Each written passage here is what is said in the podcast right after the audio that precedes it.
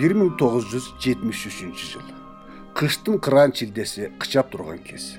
Айылдан жаңы эле фрунзеге келип көп нерсени билгенге көз менен көргөнгө кумарланып турган кез.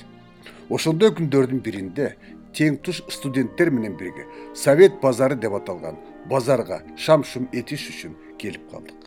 Көчөлөр кар аба суук кар себелеп турган эле. Ошентип базарга кирип арзаныраак тамак аш саткан жерине кире калсак бир топ кишилер ачык абага коюлган тике туруп тамак иче турган столдордун тегерегинде топтошуп турган экен. Суук деген суук да баарынын кебетеси жүдөк бири чай ичип жылынып турса бири ичимдик ичип бир нерсени кобурап турушуптур. Ошондо кимдир бирөө мага тет этиги четте турган киши байдылда сарногоев деген акын болот деп шыбырап калды. Биринчи жолу шаарга келип жазуучу акын дегендерди өз көзүм менен көргөнгө кызыгып жүргөн мендей студентке сарногоевду көрүү чоң жаңылык эле. Ошондогу элес азыр да көз алдымда турат. Эскирээк тумагын кар басып жанына ким келсе да аны менен ар нерсени сүйлөшүп ичимдик куюп бергендер менен андан да көпкө сүйлөшүп чала кызуу турган акынды ошондо көрдүм. Биз да жанына басып келдик ыр окуду. Ар кандай темадагы ырлар экен. Кыштын шилдесинде жааган кардын алдында жалгыз турган акын мага ошондо абдан терең таасир калтырган эле.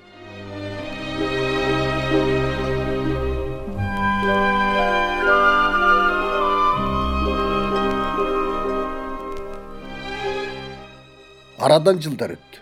Байдылда сарногоев деген ысымды адабиятка кызыккандар гана эмес жалпы калайык калк жатка билди ырлары колдон колго өттү бирок расмий бийликтер эмнегедир уккусу да көргүсү да келген жок. Ошол сыяктуу мамиле жазуучулар союзу тараптан да болду. Башка акындар эки жылда бирден китебин чыгарса байдыкенин китептери төрт беш жылда араң чыгып жүрдү. Кээде такыр эле чыкпай калган учурлар болду. Бирок кайра куруу доору келип коомдо бир аз демократия либерализм орной баштаган кезде байдылда сарногоевдун китептерин коркпой үркпөй чыгарганга мүмкүнчүлүк ачылды. Ошентип биринчи жолу акындын атактуу ашуудан берген отчетум деген жыйнагы бир миң тогуз жүз сексен экинчи жылы жарык көрдү. Адабиятта сенсация болот дегенди ошондо биринчи жолу көрдүк. Китеп бир нече айдын ичинде толугу менен тарап ансыз да китептер өтпөй каражатсыз турган басмалар ошол китепти экинчи жолу басты дагы заматта тарап кетти. Ошентип байдылда сарногоев биринчи жолу кыргыз поэзиясынын тарыхында бест селлер китептин автору болду.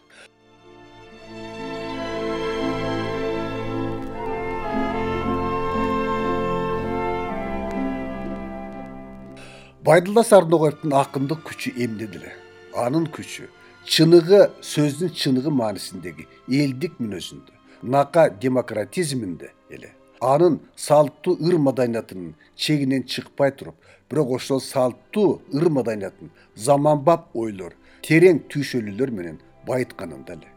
Бирок эң негизгиси эч бир элинен сыр жашырбаган акын болчу. Окурманга айтпаган эч бир сыры же проблемасы жок эле.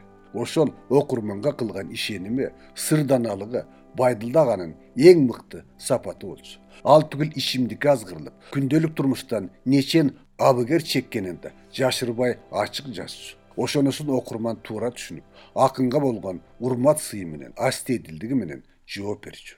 Жогоруда айтылган ашуудан берген отчетум жыйнагынын кыргыз поэзиясындагы эң биринчи бестселлер болгонунун себеби да ушундан эле жебедей учсам дечү элем жел менен кошо сызыла. Жеңил кылдым өзүмдү жете албай максат учуна. Желбей да калдым бир топ жыл жем түшүп кетип бутума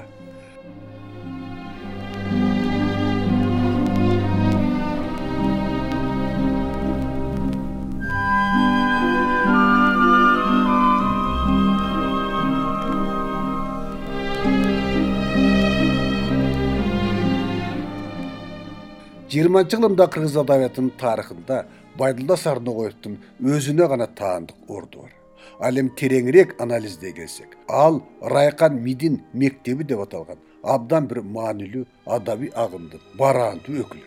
Бул мектеп элдик поэзиянын салт санаалары менен каны жаны бирге мектеп. Кандайдыр бир элитардык эмес нака массалык адабий агым.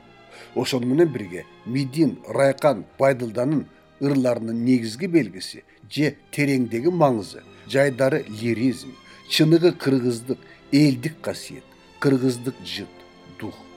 Анан албетте ар бир саптан көрүнүп же сезилип турган автордун өзү автордун адам катары образы адам катары мүнөзү.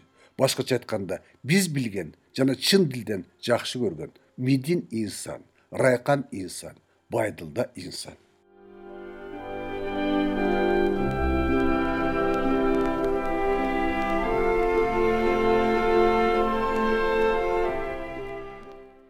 кагылам сенден ала тоо канжаным сага бирге бил. Кайратым артат миңесе каранын көрсөм күндө бир.